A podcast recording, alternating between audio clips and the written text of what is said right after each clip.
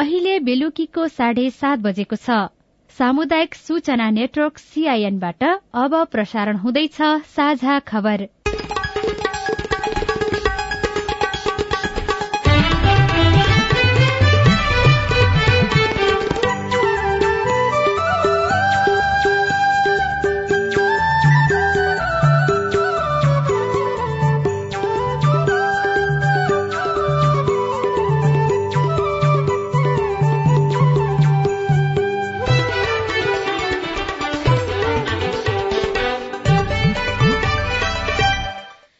सीआईएनको साझा खबरबाट सोभिता रिसालको नमस्कार। साझा खबर देशभरिका सामुदायिक radio CIN Khabar dot com र मोबाइल एप सीआईएनमा पनि सुन्न सकिन्छ।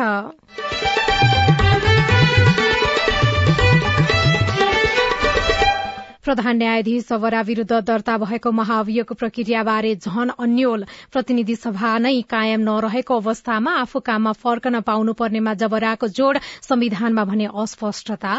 समस्या के भयो भने कि त्यसलाई ट्रायलको रूपमा पूर्वपक्ष गर्ने जुन एउटा समिति अहिले जुन बनाइयो नि हो त्यससँग त्यो अधिकार थिएन। हेर्नुहोस्। आज दुई दलले समानुपातिक तर्फको उम्मेद्वारको बन्द सूची बुझाए। एमाले दुवै तहका संसदको समानुपातिक सूची टुङ्गो लगायो। अरू दल अन्तिम रूप दिँदै प्रत्यक्षतर्फ एक तिहाई महिलालाई उम्मेद्वार बनाउन राजनीतिक दललाई निर्वाचन आयोगको निर्देशन। दलहरूलाई यसरी प्रत्यक्षतर्फ महिलाहरूको सहभागिता अभिवृद्धिको लागि चाहिँ कम्ती तेत्तिस पर्सेन्ट चाहिँ उम्मेदवारी दिने व्यवस्था गर्नु भन्ने तरिकाले आयोगले दिएको हो। खाने तेलको मूल्य लिटरमा पचास रूपियाँसम्मले घट्यो। चेपाङ बोटे र बनकरिया समुदायलाई बागमती प्रदेश सरकारले घर निर्माण गरिदिने सरकारसँगको सहमतिपछि मिटर ब्याजी पीड़ितहरू घर फर्किए। त्यो सम्बन्ध लिएर जिल्लामा गएर काम गर्न पर्यो। सिडिओ एसपी अदालत डिआइजी आइजी सबैसँग हामी बसेर यो कुरा गर्छौँ। र एएफसी बीस वर्ष मुनिको एसियन कप छनौट अन्तर्गतको अन्तिम खेलमा आज नेपालले बंगलादेशसँग प्रतिस्पर्धा गर्दै।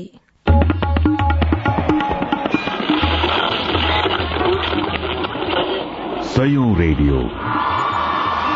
हजारौं रेडियो कर्मी र करोड़ौं नेपालीको माझमा यो हो सामुदायिक सूचना नेटवर्क सीआईएन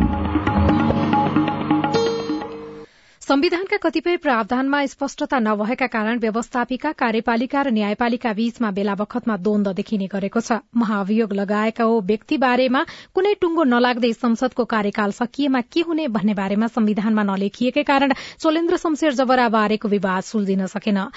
तत्काल संविधान नै संशोधन गर्न सक्ने अवस्था नरहेकाले अब शक्ति पृथकीकरणको सन्तुलन नबिग्रने गरी सर्वदलीय सहमतिमा यो विवादलाई किनारा लगाउनुपर्छ।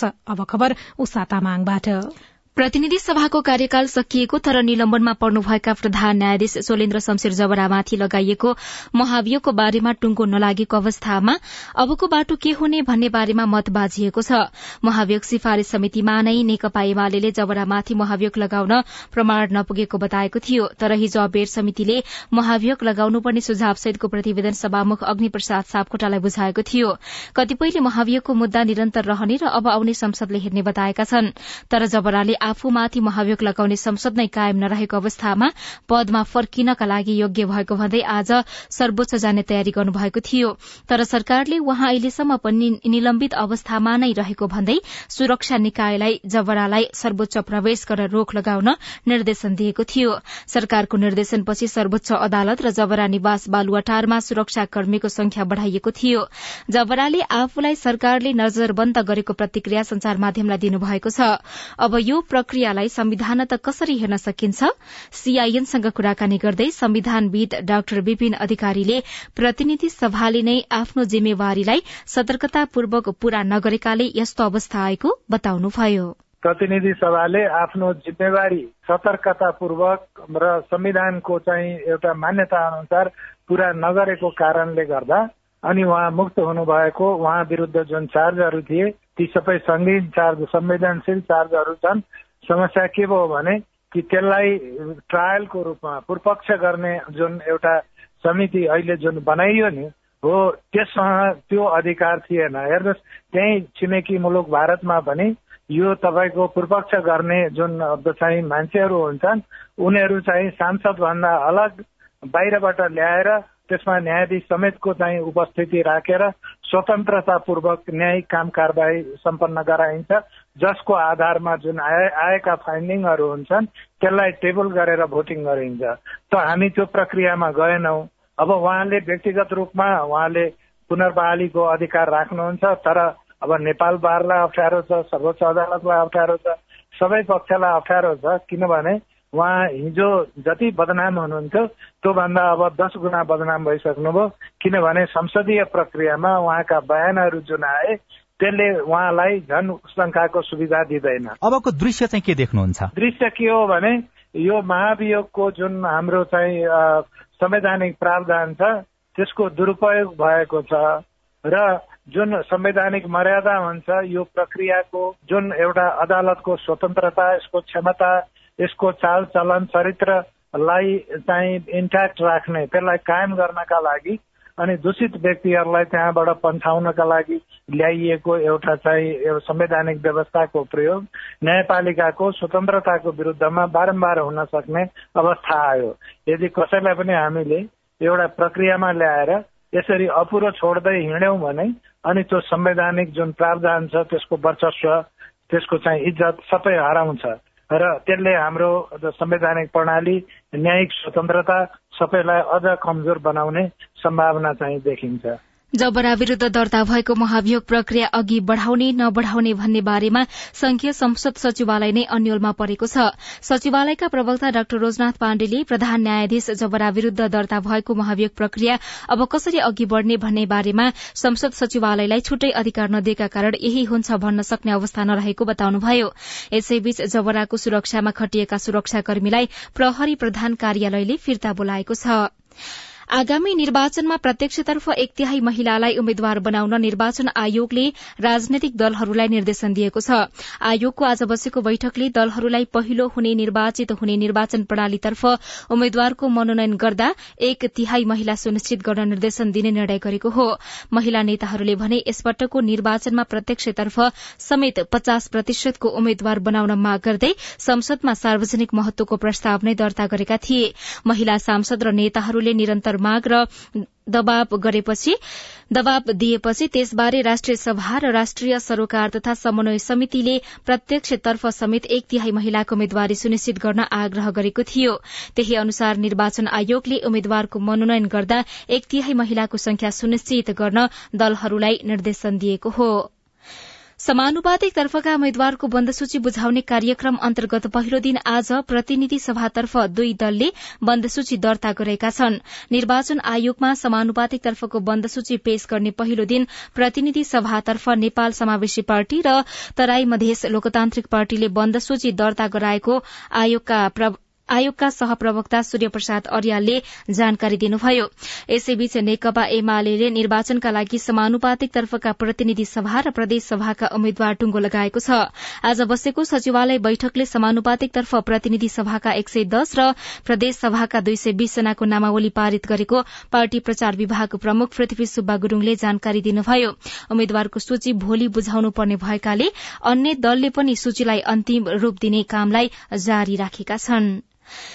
चेपाङ बोटे र बनकरिया समुदायलाई बागमती प्रदेश सरकारले घर निर्माण गरिदिने भएको छ।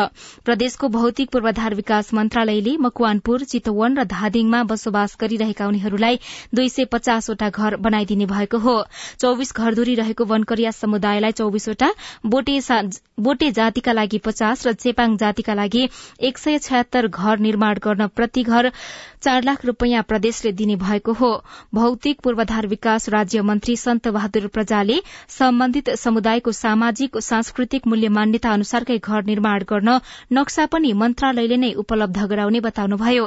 प्रदेश सरकारले निर्माण गरेपछि हस्तान्तरण गरिएको घर दश वर्षसम्म बेच्न नपाइने राज्य मन्त्री प्रजाले सीआईएनसँग बताउनुभयो। कार्यविधिले नै हामी अनुसूचीमै बनाएको छौँ र स्थानीय तहको प्रमुखमा र सम्बन्धित जातीय समुदाय वनक्रिया चेपाङ भोटे समुदाय मार्फतको उहाँहरूको पनि प्रत्यक्ष सहभागी हुने गरी र स्थानीय सरकारलाई नै प्राथमिकता दिने गरी चाहिँ मन्त्रालयको तर्फबाट पनि हुने गरी तिन स्तरको चाहिँ अनुसूची हुन्छ। त्यो अनुसूचीले चाहिँ हामीले चाहिँ छान्छौँ र त्यसको आवश्यकता के के हो उहाँको घर बन्नुपर्ने आधारहरू सबै चाहिँ स्थानीय तह कार्यविधिमा भनेको छ। त्यसको आधारमा हामीले घर छान्छौँ। त्यो व्यक्ति हामीलाई अभिलाई छान्छौँ। आगामी वर्षको कार्यक्रममा गरीब विपन्न सीमान्तकृत तथा लोभोन्मुख थप जात जातिका लागि घर बनाउने कार्यक्रमलाई निरन्तरता दिइने राज्यमन्त्री प्रजाको भनाइ छ। यसका लागि चेपाङ बनकरिया माझीथामी मुसहरबोटे र हायु एकीकृत बस्ती तथा आवास निर्माण सम्बन्धी कार्यविधि दुई हजार उनासी तयार पारिएको छ। नेपाल सरकारले चेपाङ र बोटे जातिलाई अति सीमान्तकृत र बनकरियालाई लोपन्मुख जातिका रूपमा सूचीकृत गरेको छ। राष्ट्रिय जनगणना दुई हजार अडसठी अनुसार नेपालमा चेपाङको जनसंख्या अडसठी हजार तीन सय बनकरिया उनासत्तरी र बोटे दस हजार तीन सय सन्तानब्बे छ। काठमाण्डुको माइती घरमा सड़चालिस दिनदेखि आन्दोलनरत मिटर ब्याज पीड़ितहरू घर फर्किएका छन्। हिजो गृहमन्त्री बालकृष्ण खाँडले एक साताभित्र पीड़ितहरूको माग पूरा गर्ने बताउनु भएपछि पीड़ितहरू घर फर्किएका हुन्। माइती घरमा आज पत्रकार सम्मेलन गर्दै मिटर ब्याज तथा ठगी विरूद्ध किसान मजदूर संघर्ष समितिका अध्यक्ष रामसुरत गुप्ताले आजदेखि आन्दोलन स्थगित गरेको जानकारी दिनुभयो। अब मिटर ब्याजमा तपाईँको धनुषा सल्लाह यी के के छ नि त्यहाँको जनतालाई पनि खबर गइसकेका छ। जिल्ला नवलपरासीमा खबर गइसकेका छ। अब हामी चाहिँ लिने दिनेको कुरा त जिल्लामा हुन्छ नि। हाम्रो राज त दियो। राजले जे लेखेर दियो हामी त्यो लेखेर त्यो सम्बन्ध लिएर जिल्लामा गएर काम गर्न पर्यो। सिडिओ एसपी अदालत डिआइजी आइजी सबैसँग हामी बसेर यो कुरा गर्छौँ। सरकारले आफ्नो माग पूरा नगरी पुनः आन्दोलनमा उत्रने उहाँको भनाइ छ। निजगढ़ अन्तर्राष्ट्रिय विमानस्थलको विकल्प अरू कुनै नरहेको निष्कर्षसहित सरकारद्वारा गठित विज्ञ समूहले विमानस्थल सम्बन्धी अध्ययन प्रतिवेदन सरकारलाई बुझाएको छ। संस्कृति पर्यटन तथा नागरिक उड्डयन मन्त्री जीवनराम श्रेष्ठको उपस्थितिमा विज्ञ समूहका संयोजक वीरेन्द्र बहादुर देउजाले प्रधानमन्त्री शेरबहादुर देउवालाई अध्ययन प्रतिवेदन हस्तान्तरण गर्नुभएको हो। विज्ञ समूहले विमानस्थल निर्माण गर्ने क्षेत्रमा बाघ हात्ती जस्ता वन्य जन्तुहरू नरहेको अध्ययनले पुष्टि गरेको छ। प्रतिवेदन अनुसार पूर्ण क्षमताको अन्तर्राष्ट्रिय विमानस्थलका लागि उपयुक्त स्थान काठमाण्डु तराई द्रुत मार्ग फास्ट ट्र्याक र पूर्व पश्चिम राजमार्गसँगै जोडिएको पसहा नदी र बकैया नदी बीचको करिब नौ हजार हेक्टर क्षेत्रफल भित्रको करिब चार हजार हेक्टर क्षेत्र उपयुक्त रहेको समेत निष्कर्ष निकालेको मन्त्री जीवनराम श्रेष्ठको भनाइ छ। खानेतेलको मूल्य लिटरमा पचास रूपियाँसम्म घटेको छ। सरकारले खानेतेल आयातमा भन्सार शुल्क घटाएपछि खानेतेलको मूल्य प्रति लिटर बीसदेखि बढ़ीमा पचास रूपियाँसम्म घटेको हो। एक महिना अघि प्रति लिटर दुई सय पञ्चानब्बे रूपियाँ रहेको सूर्यमुखी तेलको मूल्य थोकमा दुई सय पैंतालिस रूपियाँमा झरेको छ। दुई सय अस्सी रूपियाँ रहेको तोरीको तेलको मूल्य दुई सय पचास रूपियाँमा झरेको छ। यस्तै दुई सय त्रियानब्बे रूपियाँ पर्ने भटमासको तेलको मूल्य न्यूनतम दुई सय अठार रूपियाँसम्म झरेको छ। तेलको मूल्य अन्तर्राष्ट्रिय बजारमै घटेका कारण नेपाली बजारमा पनि यसको प्रभाव परेको हो। तर नेपाल खुद्रा व्यापार संघले भने खाने तेलको मूल्य पुरानै सार्वजनिक गरेको छ। सरकारले भदौ तेइसमा राजपत्र जारी गर्दै पाम सूर्यमुखी र भटमासको कच्चा तेल आयात गर्दा भन्सार महसुलमा नब्बे प्रतिशत छूट दिएको थियो। सूर्यमुखी भटमास तोरी रायो सर्स्यो लगायतका वस्तुको गेडा नै आयात गर्दा यसअघि पचास प्रतिशत रहेको भन्सार छूटलाई पनि बढ़ाएर सरकारले नब्बे प्रतिशत पुर्याइदिएको थियो। साझा खबरमा अब खेल खबर। एएफसी बीस वर्ष मुनिको एसियन कप छनौट अन्तर्गतको अन्तिम खेल नेपालले आज बंगलादेशसँग खेल्दैछ। अहिले राति आठ पैंतालिस बजेबाट शुरू हुने अन्तिम खेलमा जीत निकाल्दै प्रतियोगिताको सुखद अन्त्य गर्ने तयारीमा नेपाल रहेको छ। समूह बीमा रहेको नेपाल यसअघि लगातार तीन खेलमा पराजित हुँदै प्रतियोगिताबाट बाहिरिसकेको छ। बंगलादेश भने तीन खेलमा चार अंकका साथ दोस्रो जीतको खोजीमा छ। बंगलादेशले भूटानलाई हराएको थियो भने बहराइनसँग गोल रहित बराबरी खेलेको थियो। समूह विजेताले सन् दुई हजार तेइसमा उज्वेकिस्तानमा आयोजना हुने बीस वर्ष मुनिको एसियन कपमा स्थान बनाउनेछन्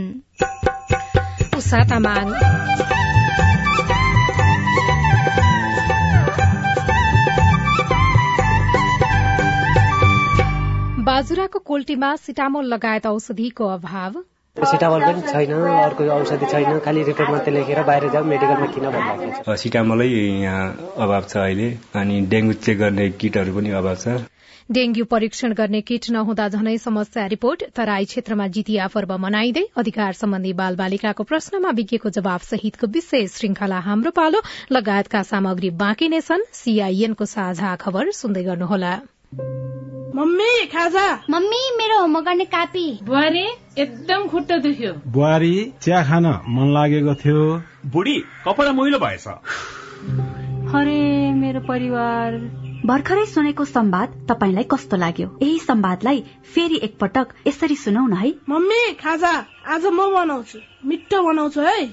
मम्मी मेरो होमवर्क गर्ने कापी। मैले खोजिसके। अब म होमवर्क गर्छु। बुहारी एकदम खुट्टा दुख्यो। छोराले तेल तताएर लगाइदिएपछि अलि आराम भयो।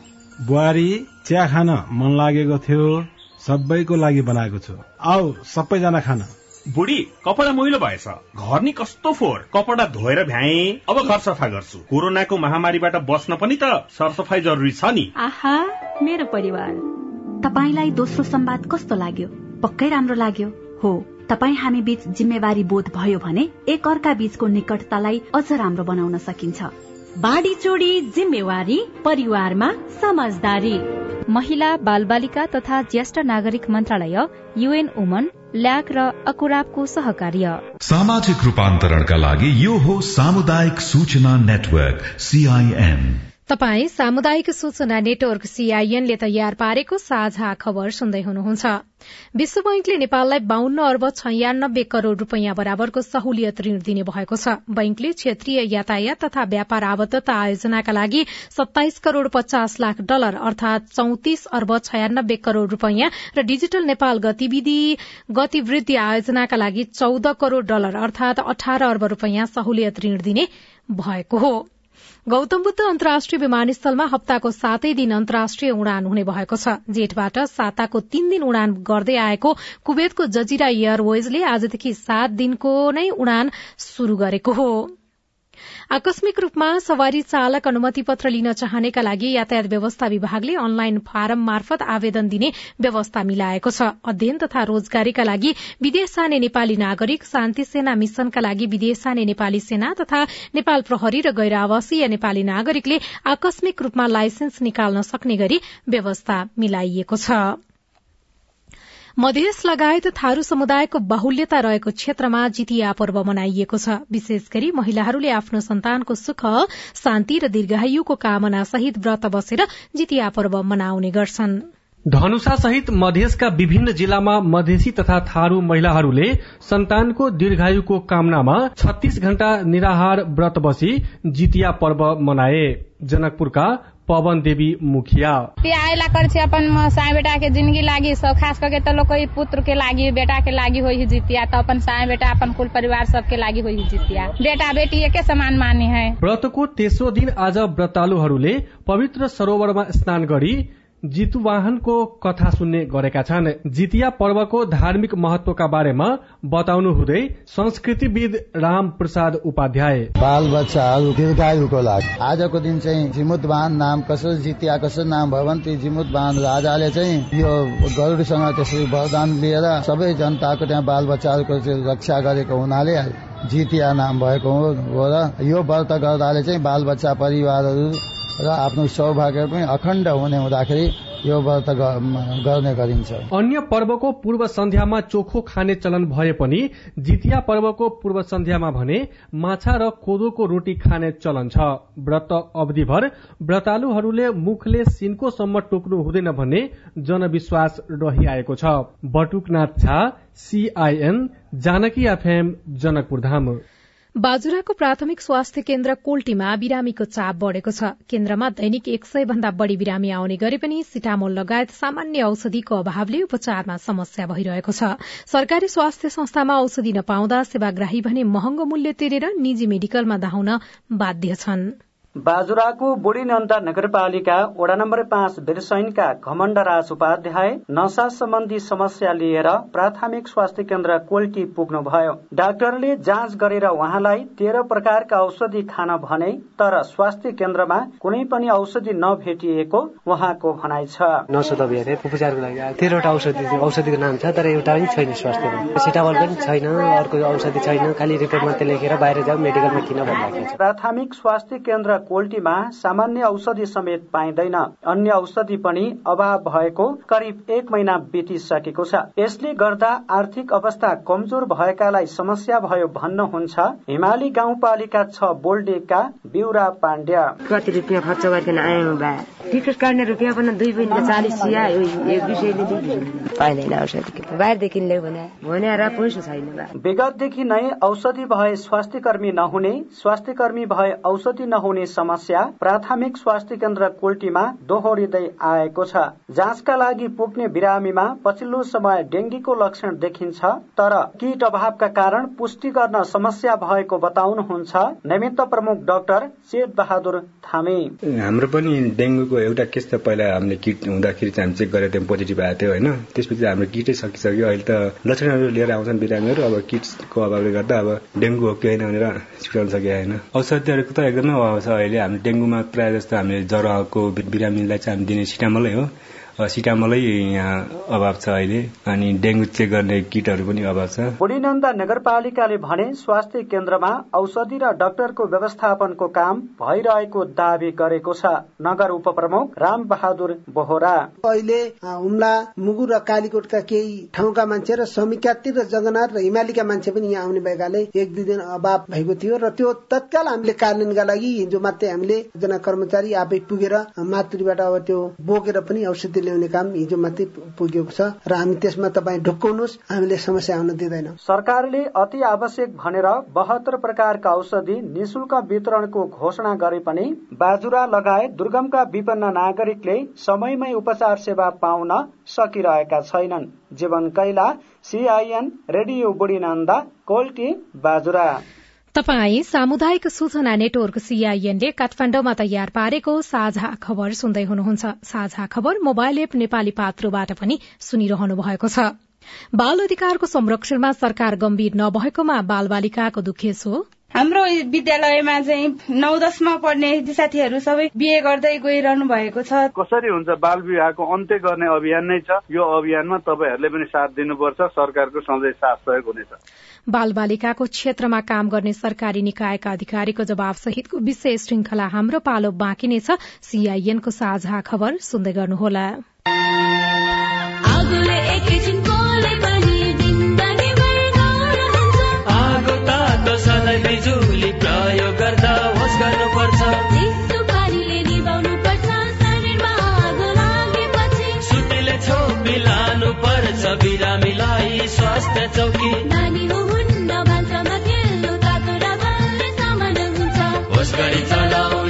ग्यास भुइँमा पकाए दुर्घटना बढ्छ। अग्निजन्य दुर्घटना भएमा शून्य एक पचपन्न पचपन्न छ आठ नौमा सम्पर्क गर्नुहोस्। बीबीएस नेपाल ललितपुर।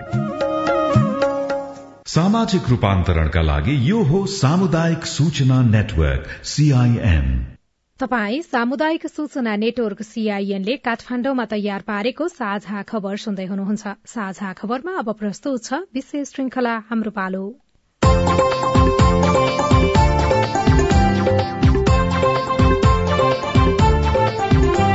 नमस्कार म सुशीला। हाम्रो पालोमा हामी कोविड लगायत अन्य विपत्तिमा बाल सुरक्षा बाल अधिकार लगायत किशोर किशोरी र युवाहरूको प्रश्न लिँदै त्यसको उत्तर खोज्ने प्रयत्न गर्नेछौ। कोविड लगायत अन्य विपत्तिका बेला बाल सुरक्षाका सवाल यसले बाल बालिका तथा युवाहरूको मनोविज्ञानमा पारेको प्रभाव यो समयमा उनीहरूलाई उत्प्रेरणा कसरी दिने अभिभावक र शिक्षकबाट उनीहरू कस्तो व्यवहार खोजिरहेका छन्? स्थानीय सरकार र सरकारवालाले उनीहरूका लागि के के गरिरहेका छन् जस्ता विषयवस्तुमा सवाल जवाफ खोज्नेछौ।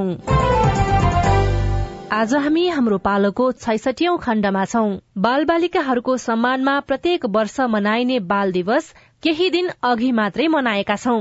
विक्रमसम्म दुई हजार त्रिसठी साल भन्दा अघि बाल दिवस भदौ चार गते मनाइने गरिन्थ्यो तर हाल भने भदौ उनातिस गते यस दिवस मनाउँदै आइरहेका छौं। नेपालको संविधानमा पनि बाल बालिकाको हक अधिकारको व्यवस्था गरिएको छ। नेपालको संविधान दुई हजार बहत्तर भाग तीन र धारा उनाचालिस अन्तर्गत पर्ने मौलिक हकहरूमा बाल बालिकाको हक अधिकारको व्यवस्था गरिएको छ। तर बालबालिकाहरूले आफ्नो हक अधिकारको पूर्ण उपयोग गर्न नपाएको गुनासो गरेका छन्। आज हामी हाम्रो पालोमा बालबालिकाको हक अधिकारका विषयमा बालबालिकाको सवाललाई समावेश गर्दैछौ जसको जवाब दिँदै हुनुहुन्छ राष्ट्रिय बाल अधिकार परिषदका उपाध्यक्ष बम बहादुर बानिया। नमस्कार मेरो नाम विकल गौमुल गाउँपालिका। अहिले सरकारले बाल दिवस बनाए पनि तर बाल बालिकाहरूप्रति राम्रो सुरक्षा पाइरहेका छैनौँ। त्यो प्रति सरकारले ध्यान आकर्षण गर्नु पर्यो भन्ने प्रश्न रहेको छ। हामी एकदमै उहाँको प्रश्नलाई हामी जायज रूपमा लिएर चाहिँ अब हामी सङ्घ प्रदेश र स्थानीय तहमा विशेष गरेर बाल बालिकाहरूको शिक्षाकै क्षेत्रमा? शिक्षा स्वास्थ्य र उहाँहरूले चाहिँ संरक्षणको क्षेत्रमा हामी काम गर्न लागिरहेका छौँ। र अब लगभग दुई सय छवटा स्थानीय तहमा त हाम्रो बाल अधिकार समिति पनि गठन भएको छ। हामी त्रिपन्न सात सय त्रिपन्नवटै तहमा पुग्ने हाम्रो लक्ष्य छ। जस्तो अब एक सय सन्तानब्बे स्थानीय तहमा त अब हाम्रो त्यो अधिकारी भन्छ कि बाल कल्याण अधिकारीहरू पनि तोकिसकेको अवस्था भएकोले अब हामी विभिन्न दुर्गम ठाउँहरूमा पनि अनुगमन गर्दै अध्ययन गर्दै शिक्षाको क्षेत्रमा हामी प्रत्याभूत दिने र सम्बन्धित निकायमा स्थानीय तह छ भने स्थानीय तहमै हामी त्यो व्यवस्था गर्ने अभियानमा हामी छौँ। यसमा हामी प्रतिबद्ध छौँ। नमस्कार मेरो नाम रेविका मेरो घर सिन्धुपाल्चोक चौतारा। म सोह्र वर्षको भए। हाम्रो विद्यालयमा चाहिँ नौ दसमा पढ्ने साथीहरू सबै बिए गर्दै गइरहनु भएको छ। बिस वर्ष पुरा नभइकन बिए गर्न हुँदैन भन्ने सुनिन्छ तर सोह्र सत्र वर्ष पुग्दै बिए गरेर गइरहनु भएको छ। र्यालीहरूको लागि मात्र कार्यक्रम योजना भइरहेको छ। एकदम धन्यवाद। राम्रो प्रश्न उठाउनु भयो र अहिलेको सबभन्दा महत्वपूर्ण विषय इस्यु पनि यो छ। यो विषयलाई हामीले विभिन्न बहस छलफलमा ल्याएका छौँ र कानूनका वेताहरूसँग पनि हामीले छलफल गरेका छौँ र हाम्रो योजना भनेको कतिपय कानूनी हाम्रा सल्लाहकारहरूले चाहिँ यो उमेर बढी भएको कारणले बाल विवाह बढेको भन्ने कुरा आएको छ तर हामी यसमा विश्वास गर्दैनौँ। अहिलेको समय सन्दर्भ अनुसार अब हामी आम संचार माध्यमबाट आम नागरिकको सञ्जालको माध्यमबाट सबैलाई सुसूचित गरेर हाम्रा बाल बालिकाहरूमा भएका हत्या हिंसा बलात्कार र यी बाल विवाह जस्ता विषयहरूलाई चाहिँ हामी संवेदनशीलबाट ढङ्गबाट सम्बोधन गर्दै यसलाई न्यूनीकरण गर्न जान चाहन्छौँ र हामी यसलाई चाहिँ कसरी हुन्छ बाल विवाहको अन्त्य गर्ने अभियान नै छ। यो अभियानमा तपाईँहरूले पनि साथ दिनुपर्छ। सरकारको सधैँ साथ सहयोग हुनेछ। नमस्ते मेरो नाम लक्ष्मी टणेलधुरा गुनासो यो छ कि अहिलेसम्म बालबालिकाहरूको क्षेत्रमा गरेका कामहरू के के छन्? ती कामहरू एक एक गरेर भन्न सक्नुहुन्छ। बालबालिकाहरूको लागि न त कुनै कार्यक्रमहरू नै छन् न त कुनै बजेट नै छुट्याएका छौ। प्रदेशमा हामीले अहिले तपाईँले जुन प्रश्न गर्नुभयो हामीले कामै नगरेको अवस्था चाहिँ होइन। अब नेपाल सरकारले स्वास्थ्य शिक्षा पोषण सबैको पहुँच अभिवृद्धि गर्ने गरी चाहिँ सड़क बाल बालिका मुक्त अभियान सञ्चालन गर्न प्रदेश तथा स्थानीय तहसँग साझेदारी अनि सहयोग र समन्वयका कामहरू पनि गइरहेको छ। बाल बालिका पुनस्थापना केन्द्र सञ्चालन गर्ने बाल श्रमिकको उद्धार गर्ने पुनस्थापना पुनर्मिलनको कामहरू समेत गर्ने काम पनि गरेको छ जस्तै प्रदेश एकमै तपाईँ भन्नुहुन्छ भने पनि हिजो अस्ति मात्रै एउटा गाउँपालिका चाहिँ बाल मैत्री घोषणा भइसकेको छ। सूर्योदय नगर नगरपालिका भनेदेखि प्रदेश एकले बाल विवाह मुक्त क्षेत्र गरिरहेको छ। बाल मैत्री स्थानीय तथा त्यो प्रबन्धनको कामहरू गरिरहेको छ। अनि प्रदेश दुईमा तपाईँ हेर्नुहुन्छ भने पनि हामी कुपोषण मुक्त प्रदेश बनाउन लागिरहेका छौँ। हाम्रो अभियान छ। बेटी पढाऊ बेटी बचाऊ अभियानमा पनि हामी लागेका छौँ प्रदेश दुईमा। भने बागमती प्रदेशले पनि काम गरिरहेको छ। यसरी सातै प्रदेशमा हामीले योजनाबद्ध काम गरेका छौँ तर यसको प्रभाव अहिले मापन गर्ने अवस्था नभएको हुनाले यहाँलाई त्यस्तो लागेको हुन सक्छ नमस्कार मेरो नाम खगेन्द्र बाजुरा जिल्लामा धेरै समस्याहरू छन् जस्तै विद्यालयमा नपुग्दै बीच बाटोमा बाढी पहिरोको कारणले गर्दा बाल बालिकाहरू विद्यालय पुग्न सकेका छैन पुस्तकालय पुग्न सकेको छैन पोषणमा पनि धेरै वञ्चित छौँ। यो सम्बन्धी सरकार कहिले ध्यान जान सक्छ? धन्यवाद छ महत्वपूर्ण प्रश्नको लागि। बाजुरा वास्तवमा हाम्रो क्षेत्रले समेट्नु पर्ने र सुदूरपश्चिम र कर्णाली प्रदेशमा हामीले हाम्रा कार्यक्रमहरू अगाडि बढाउँदैछौँ र यी समस्याहरू वास्तवमा हामीले संवेदनशील ढङ्ग ढङ्गबाट चाहिँ सम्बोधन गर्नुपर्छ भन्ने हामीलाई लागेको छ र बाजुराको सवालमा हो भने अब हामी लगभग दसैँ यो दसैँको छुट्टी भन्दा अगाडि नै एकचोटि अनुगमनमा पनि आउँदैछौँ। त्यस बेला तपाईँहरूका समस्याहरू प्रत्यक्ष रूपमा हामी हेर्नेछौँ र हामीले अहिलेसम्ममा अनुगमनको क्षेत्रमा भेटिएका जति पनि हाम्रा बालबालिकाका विषयहरू छन् यिनलाई चाहिँ दस्तावेज गरेर अबको हाम्रो कार्यक्रम पनि हामी बनाउँछौँ र अहिलेसम्म बनेका प्रदेशका कार्यक्रमहरूलाई चाहिँ जोडेर यी समस्याहरूलाई हामी आफ्नो कार्यक्षेत्रमा यहाँको कार्यक्षेत्रमै आएर पनि हामी सम्बोधन गर्नको लागि तयार छौँ। यदि अहिले मैले प्रतिबद्धता जनाएँ। धन्यवाद।